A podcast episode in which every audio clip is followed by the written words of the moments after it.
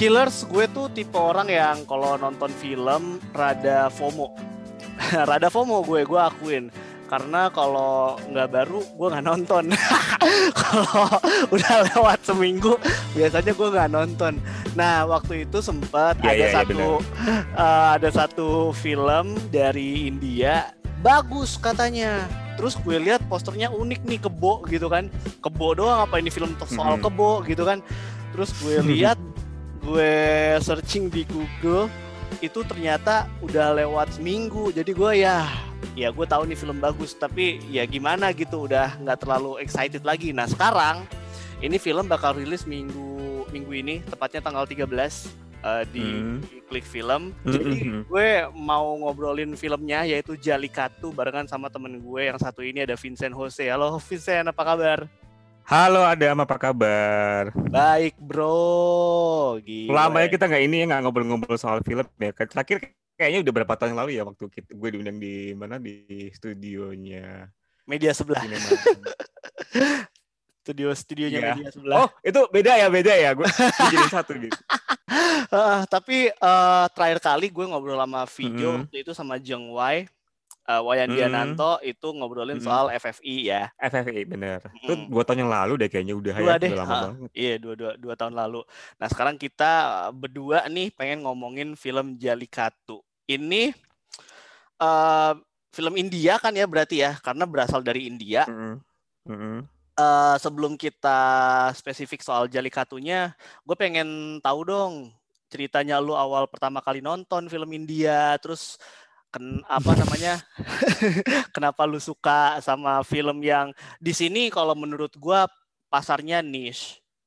Iya, jarang banget, dikit banget nggak sampai mungkin bisa jadi cuk mungkin benernya banyak sih Adam Hmm. yang benernya banyak yang kalau gue ketemu-ketemu sama eh gue tahu apa gue suka lo film India tapi mereka yang terakhir nontonnya kuci-kuci hotahe kabikusi kabigam gitu kan Mm.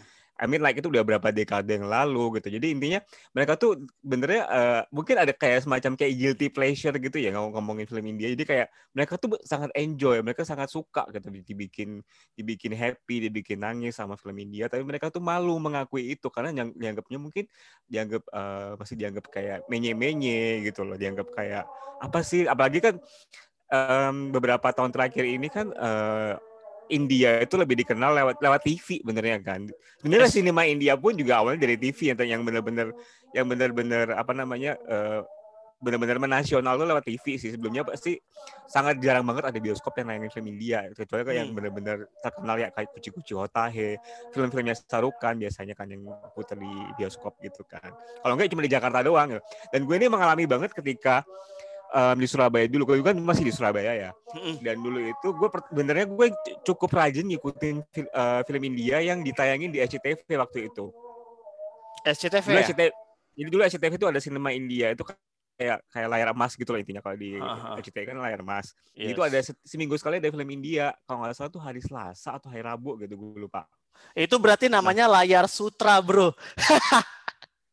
gue lupa gue lupa namanya apa gue lupa layar sutra bener juga sih masuk akal masuk akal Iya, iya. Terus Nah. terus gimana? dari situ gue dari situ gue mulai mengenal eh, film-film India yang lebih modern ya yang kayak Oh. em, 90-an akhir jadi kayak Kayak apa ya dulu yang gue kayak Kalhonaho itu menurut gue bagus banget sih. Itu menurut gue bahkan jadi favorit eh, yang lebih favorit daripada Kuci Kuci Hotai. Karena gue Kuci Kuci Hotai udah gue kayak udah berkali-kali nonton dari luar kepala terus nonton Kalhonaho itu kayak semua lagunya tuh sangat-sangat sangat-sangat memorable sangat-sangat oke. Dan ceritanya juga eh, nggak nggak nggak apa ya nggak template. Kalau di dulu kan film India rata-rata template kayak eh, boys meet girls udah kelar gitu kan. Jadi ceritanya kayak lebih lebih eh, spesifik lebih unik gitu menurut gue. Ya lagi-lagi romance tapi paling nggak backgroundnya beda gitu. Ceritanya menarik gitu loh.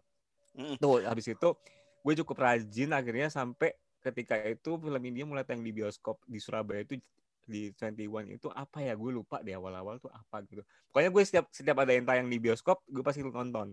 Setelah berkembang India ternyata uh, sinemanya makin beragam ya plot-plot yang ditawarkan. Dan semenjak itu gue baru tahu ada tuh ternyata ada apa ada dari India tuh nggak cuma Bollywood aja yang kita kenal yang yang apa yang mainnya yang blasteran semua gitu. Tapi ternyata industri film India itu gede banget Hmm. gitu loh. Jadi kayak bahkan dalam satu tahun tuh bisa dari mereka dari negara mereka sendiri tuh ada seribuan judul gitu kan. Mm, iya. Gue juga waktu itu baru cukup kagum, wah gila nih mengalahkan Hollywood nih makan gitu kan. Iya. Dan ternyata film India tuh nggak cuma di Bollywood doang yang kita tahu yang selama ini diedarkan secara internasional, tapi juga ada Telugu, Tamil itu yang paling yang paling dikenal juga sekarang mulai banyak ya. Terus Mhm. ada Kanada dan ya ini Malayalam juga sebenarnya salah satu yang terbesar tapi kayaknya baru nggak banyak yang benar-benar di terkenal di dunia. Dan ya mungkin kita baru kenalnya lewat film Drishyam ya benernya. Hmm, oke. Drishyam itu pun di, setelah di, di remake ke Bollywood baru orang yang wah keren nih gitu loh kan thriller thriller investigasi gitu kan ceritanya. Oke. Gitu. Nah, udah udah menyentuh ranah yang lebih spesifik nih. Tadi udah di mention eh, Telugu, Tamil. Ada berapa banyak sih emangnya jenis film India tuh?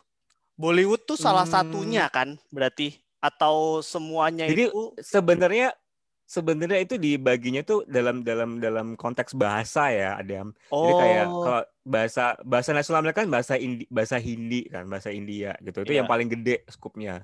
Yang Ah. sampai eh, import ke seluruh negara apa seluruh dunia itu biasanya kebanyakan Hindi gitu kan. hmm, hmm. Terus yang gue tahu sih yang nomor dua itu setahu gue pokoknya Malaya, Malayalam itu keempat ter, terbes- terbanyak deh filmnya Hmm, menurut gue oke. terbe- terbesar kontribusinya di India ya Oke. dan yang kedua itu kalau nggak yang itu dia keempat setelah apa ya gue lupa jadi Hindi Tamil Telugu keempat Malayal Malayalam Oke. gitu Itu empat besarnya lah ya.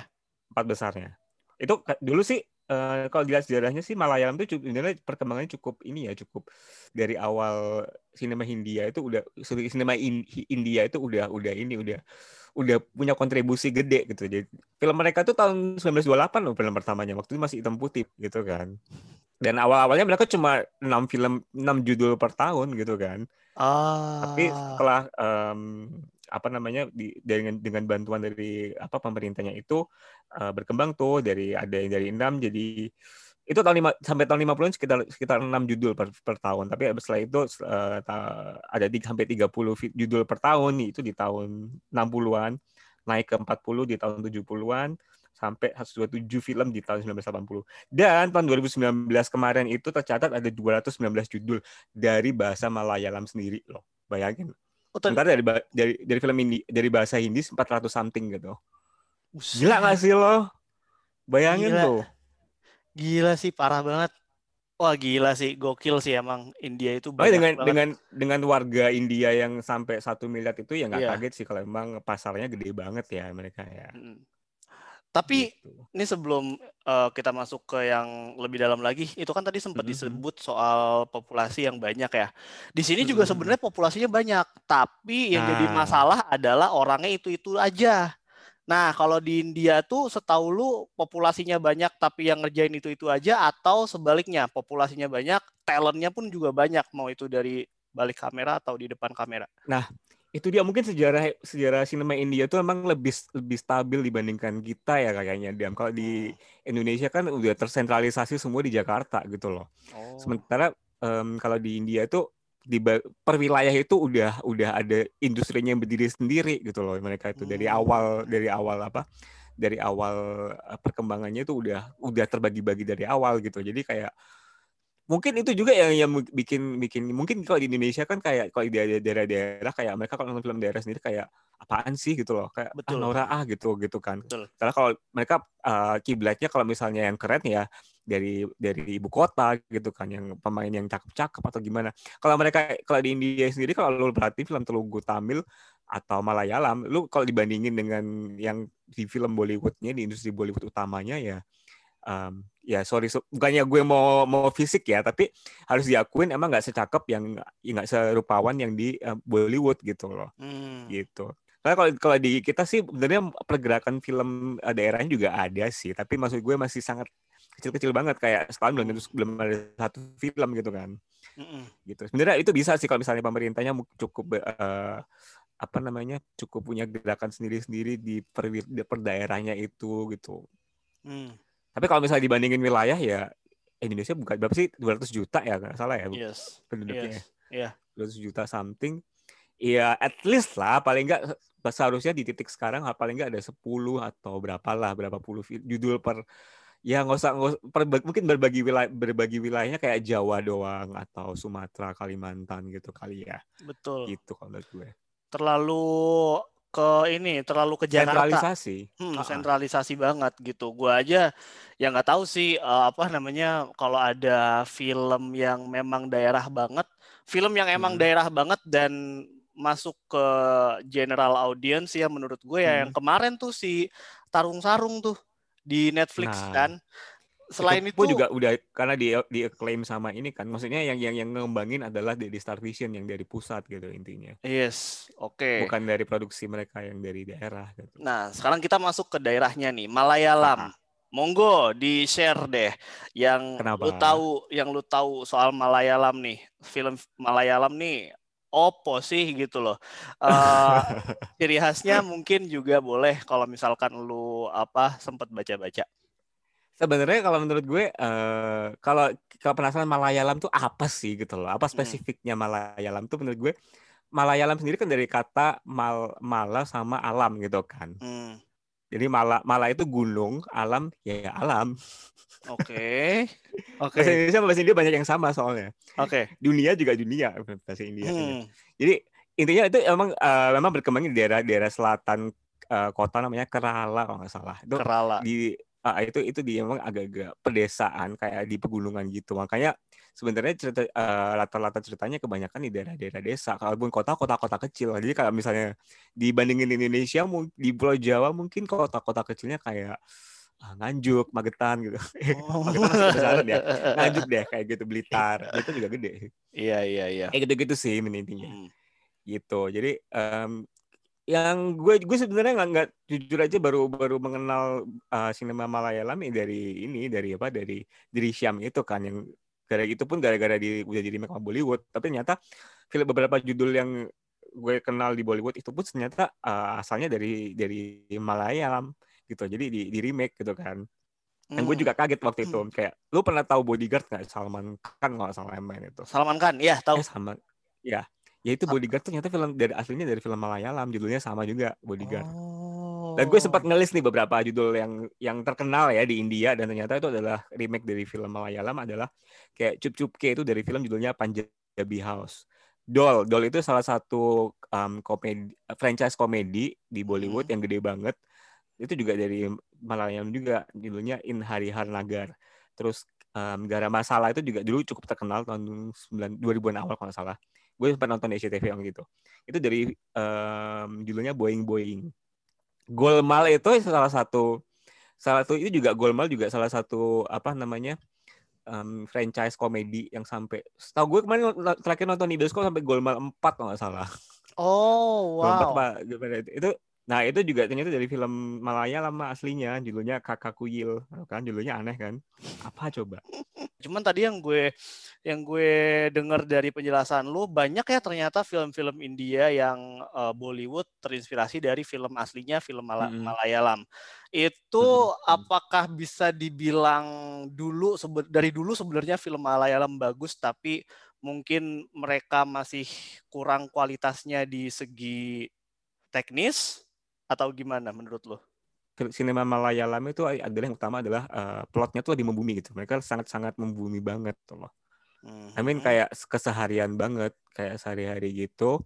Unik, menarik, tapi keseharian banget. Mungkin itu yang membuat em, nggak banyak em, daerahnya itu masih masih terpencil. Jadi mereka eh, nggak nggak- belum terlalu banyak yang ini, yang apa, yang bisa secara langsung relate gitu. Ketika diadaptasi ke Bollywood pun juga harus dimodernisasi kan ada banyak hal yang dimodernisasi gitu menurut gue. Tapi Hmm. paling enggak uh, ide ceritanya itu yang di yang di yang di remake yang dimanfaatkan dari mereka. Dan uh, kan harus diakuin sih ide cerita mereka cukup uh, keren. Dan sebenarnya kalau boleh gue um, memetakan ya ciri khas yang paling yang paling khas dari Malayalam itu adalah tata kamera menurut gue. Mereka cukup kreatif dalam menata kamera untuk um, untuk mengakali yang namanya um, plot dan tata kamera itu yang paling unik sih. Dan mereka mereka cukup uh, cukup oke dalam li- soal budget. Termasuk film Jalikato ini juga sebenarnya mengakali budget banget benernya gitu. Tapi mereka Hmm. memanfaatkan uh, kamera dan paling enggak dari dari, dari- kalau khusus Jalikato ini yang gue amati tata kamera editing dan um, sound sound ini sound sound sound design yang menurut gue paling berpengaruh banget menjadi feel-nya itu jadi lebih hidup gitu lebih lebih nyata walaupun mereka nggak semuanya ditampilin secara visual gitu. Oke, lanjut kita obrolin soal setelah nonton filmnya. Gue belum nonton filmnya. Gue nunggu nanti rilis di klik. Nonton deh.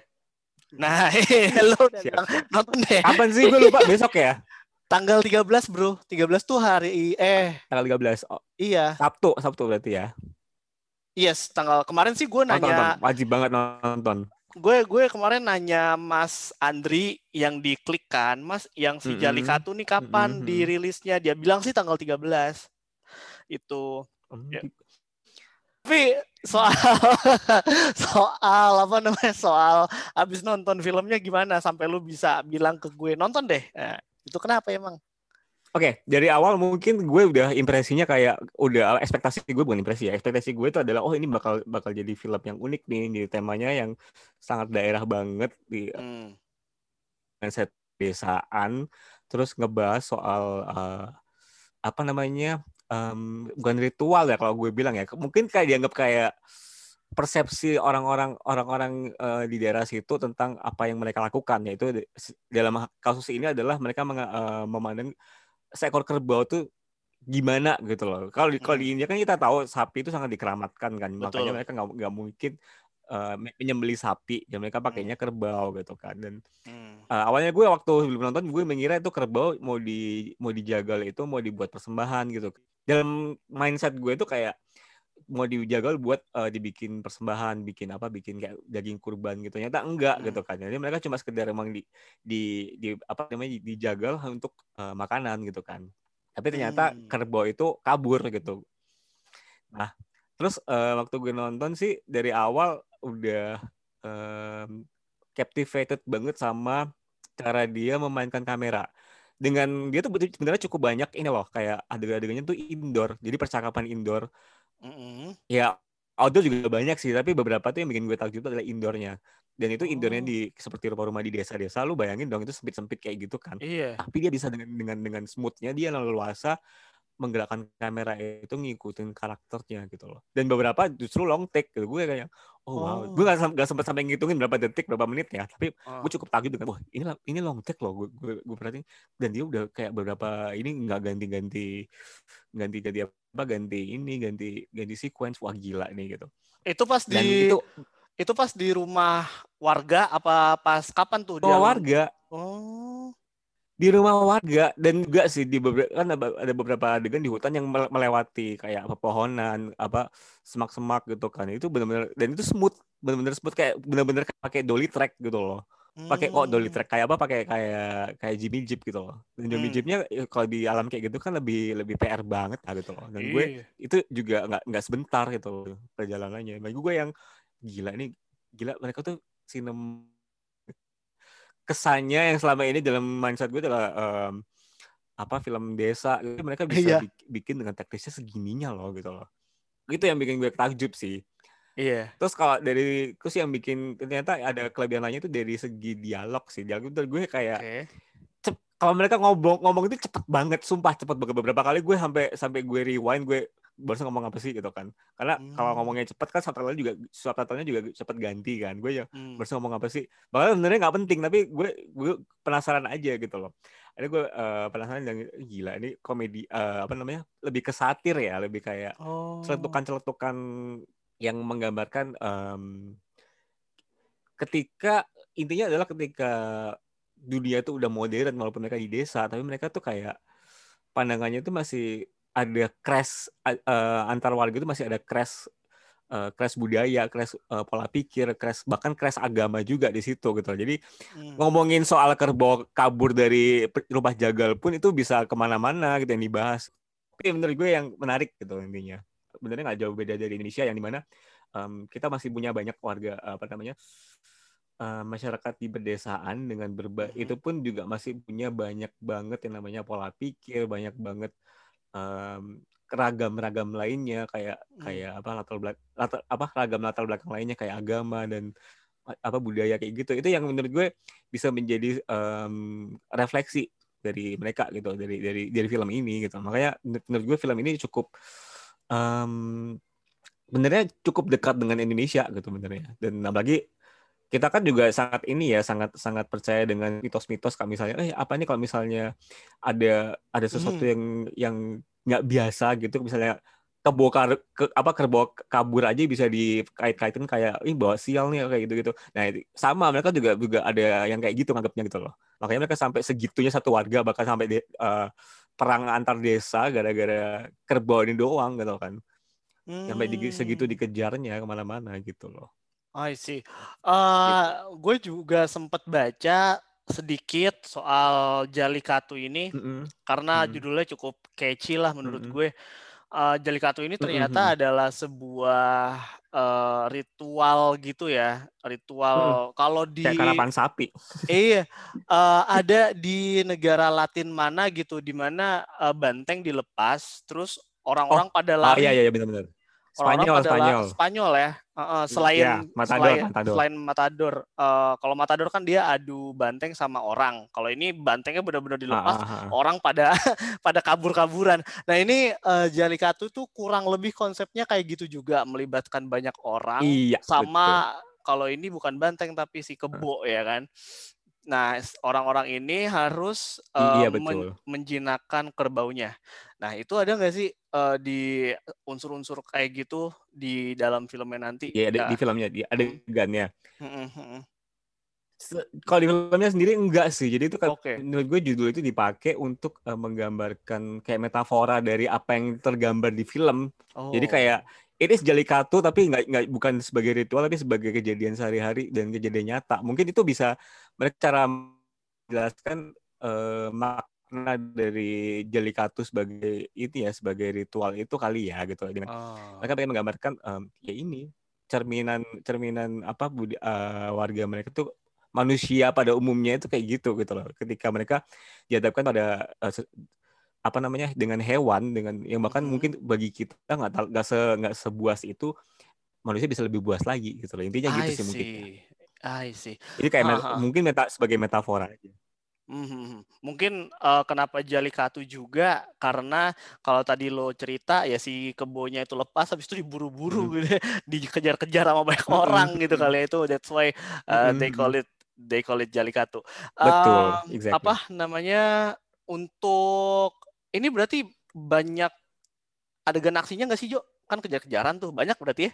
Sebenarnya kalau misalnya mau ngomongin banyak aksinya atau enggak, um, gue mesti jawab uh, benernya enggak gitu. Makanya gue oh, bilang okay. film ini benernya bener-bener mengakali uh, tata kamera, editing dan uh, sound design itu untuk hmm. menggambarkan. Jadi apa nanti diajak untuk uh, berimajinasi gitu loh. Oh. Apa? Ih, jadi mereka nggak sampai nggak sampai detail adegannya diliatin banget. Justru banyak adegan nih yang yang blank hitam gitu. Ketika adegan apa namanya adegan yang penting-pentingnya itu yang yang dalam bayangan kita udah wah bakalan seru nih bakalan sadis nih gitu kan. Iya. Tapi benernya ketika ketika bener-bener crash itu enggak diliatin gitu. Tapi mereka pakai pakai sound design tata suara, pakai editing. Editing yang yang apa mungkin timingnya pas banget ya ketika hmm. ketika ini mereka udah udah yang berimajinasinya udah udah deket banget baru baru blank hitam gitu loh. Jadi kayak hmm. imajinasi kita udah main duluan gitu loh intinya. Hmm. berarti itu mereka cara mengakali budgeting kayak gitu. Jadi mereka sebenarnya kan kalau mau nampilin kerbau beneran atau itu kan gak, kalau kerbau beneran udah jelas nggak mungkin kan. Bahkan lu gak ditampilin kerbaunya sama sekali dari awal loh serius. Oh baru di adegan terakhir baru kelihatan ya di, di klimaksnya itu yang benar-benar yang bikin yang dari awal kita mungkin menganggapnya kayak kayak black comedy ya kayak satir tapi begitu huh. udah sampai di klimaks itu gue gue terdiam dong gitu gila ya gila ya gitu gara-gara oh. kerbo aja segininya ya gitu loh Oh iya satir banget gue sih gak, itu. Gue gak bakal cerita. Ha, gue gak bakal oh, cerita. Itu, itu, itu satir banget sih kalau udah kayak gitu. Benar, benar. Tadi kata kuncinya pas lu bilang kerbaunya itu um, di awal tuh kita nggak dikasih kerbaunya dulu lah. Kelihatan. Gitu. Uh -uh. Uh, tapi orang bisa jadi kayak gitu. Nah, itu interaksi udah... antar warganya itu yang ditonjolin benar dari awal hmm. sampai pertengahan gitu. Hmm, gitu. Oke, oke.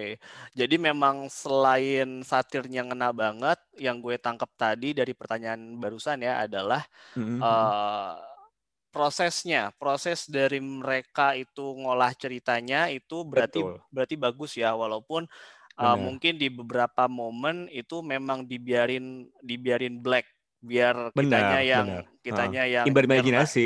Mhm, Karena biasanya kalau misalkan kayak gitu eh ada aja orang yang menganggap itu adalah ya memang resiko juga sih kayak ah anjir gue pengen lihat klimaksnya malah nggak dikasih lihat anjir. Cuman kalau misalkan itu memang kreatif decision dari dari sononya ya ya wes Mm-mm. gitu ya sih. Iya benar. Tapi tapi benar Eh, benar-benar dilihat itu benar-benar waktu di klimaks terakhir baru kelihatan tuh adegannya yang menurut gue kayak oh gila gitu kan. Baru Hmm. kelihatan kayak oh akhirnya dia menampilkan kerbaunya walaupun ya gue tahu itu itu pasti em, CGI walaupun nggak kelihatan kalau CGI ya cukup sangat Iya. cukup realistis lah menurut gue. Heeh, bersih Tapi kok. itu gue itu nggak mungkin lah kalau benar-benar asli nggak mungkin gitu loh. Nggak Iya, mungkin iya. se diambil seresiko itu kalau dia nggak mau dihujat sama pecinta hewan gitu kan. iya iya iya. Ih bener juga loh. Dan cukup sadis, cukup sadis banget sih. Terakhirnya tuh gak, gak cuma sadis ke kerbaunya, tapi juga sadis ke manusia-manusianya. Itu Anjir. di di klimaksnya. Serius. Oh. Semoga semoga di versi yang di apa yang resmi masuk di Indonesia nggak dipotong ya. Tapi kayaknya enggak deh kayaknya. Harusnya sih enggak ya.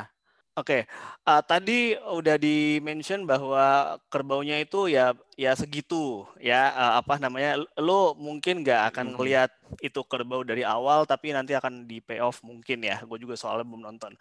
Nah kalau begitu kita tanya tentang karakter-karakter manusianya. Tadi gue mau nanya soal kerbau soalnya tapi lu udah jelasin kan. Nah yang sekarang yang Karakter- karakter manusianya gimana? Ah, Kalau karakter manusia benernya di sini cukup banyak karakter kayak yang terlibat tuh banyak dan gue benernya nggak satu-satu inget semua. Mm-mm. Em, jadi gini interaksinya tuh menariknya adalah kita inget ada ada ini ada ini ada ini tapi gue nggak inget secara khusus karakternya itu kayak gimana gitu loh dan Hmm. cuma ada satu karakter namanya Anthony kalau nggak salah namanya. Nama nama tokoh utamanya Anthony itu yang, yang jadi sentralnya di si Anthony itu. Jadi dia Oke. yang eh, hampir sepanjang film dia yang di yang disorot gitu dari dari sudut pandangnya dia. Dia ketemu dengan banyak banyak banyak banyak manusia banyak warga dan sampai sampai petinggi petingginya polisi juga gitu.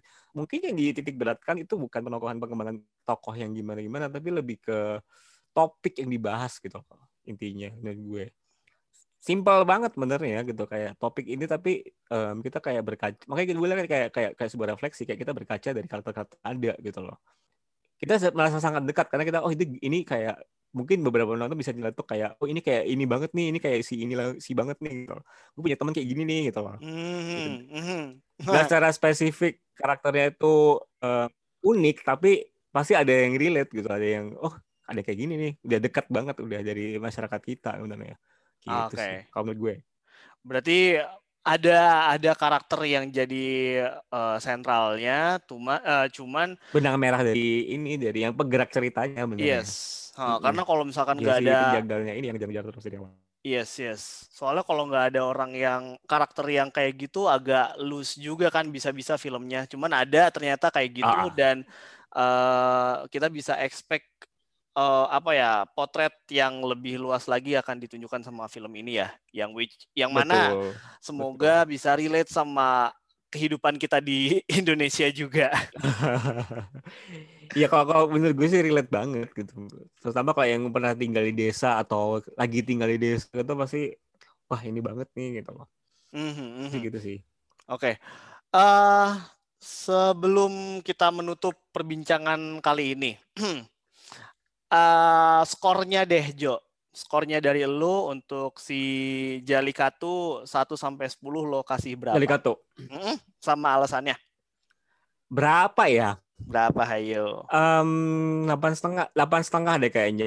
Gue Wih. ini eh, sebuah pencapaian storytelling secara visual yang unik.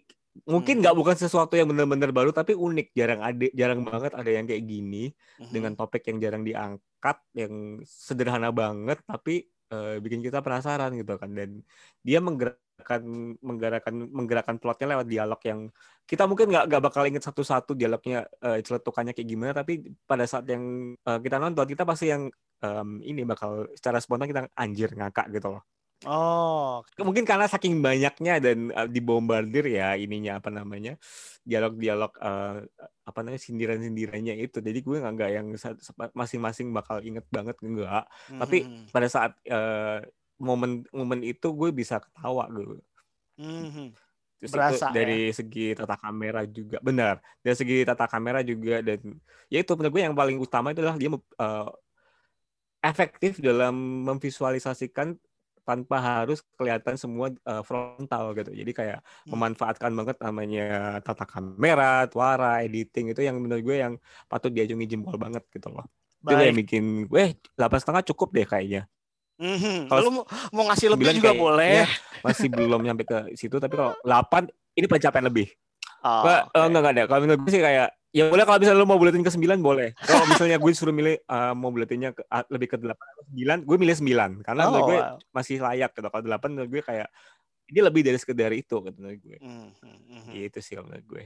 Gokil. Berarti dari segi teknisnya oke, dari segi eh, konteks Tema yang diangkat.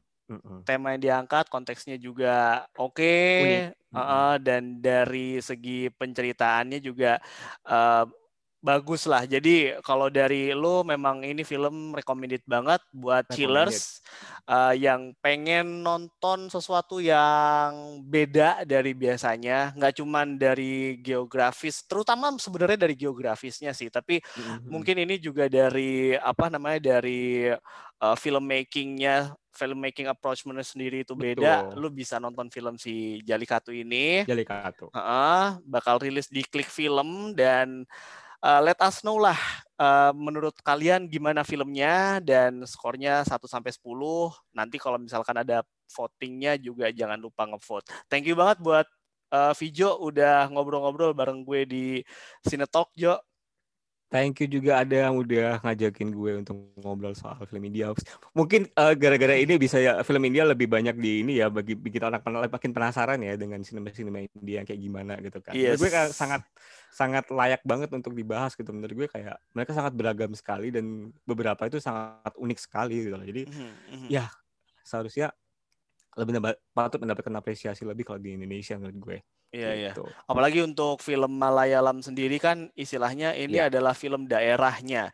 Film Mhm, mhm. daerahnya aja udah bisa dijadiin eh, wakil untuk Oscar dan ini Internasional loh. internasional dan ini Mhm. bukan kali pertama lagi kan. Terus Betul. juga kayaknya kalau dari gue denger penjelasan lu ini si si Jalikatu nih secara teknikal juga bagus. Jadi eh, semoga aja semoga aja ini bisa menginspirasi teman-teman kita yang di daerah dan juga Betul. Dan Dan- juga investor yang eh, itu nggak takut ragu untuk eh, mengeluarkan budgetnya untuk eh, investasi di film-film daerah gitu. Karena Yes. bukan nggak mungkin film-film daerah itu bisa menasional dulu lah. Misalnya kayak Yowis Band kemarin kan terbukti kan satu Hmm. juta penonton kan lebih gitu. bisa heeh, Potensinya bisa. gede banget bener ya gitu. Yes. Bagi Indonesia eh, cukup banyak dan masing-masing sukunya itu pun orangnya udah tersebar di mana-mana menurut gue kan. Itu sangat potensial banget menurut gue. Iya iya iya. Gitu. Selama itu diolahnya menarik, kalau Jalikatu ini Betul. kita lihat wah kayaknya intens seru gitulah. Terus juga konteksnya nyeleneh, satir kan tadi lu bilang mungkin banyak orang yang tertarik meskipun mungkin awalnya yang tertarik dari kota dulu tapi ya so eh, apa biarin aja gitu seenggaknya lu udah dapat udah dapat segmentasi yang luasnya itu eh kalau gitu kita ketemu lagi di episode berikutnya minggu depan. Thank you banget buat viewers yang sudah mendengarkan. Bye, bye Jo. Bye.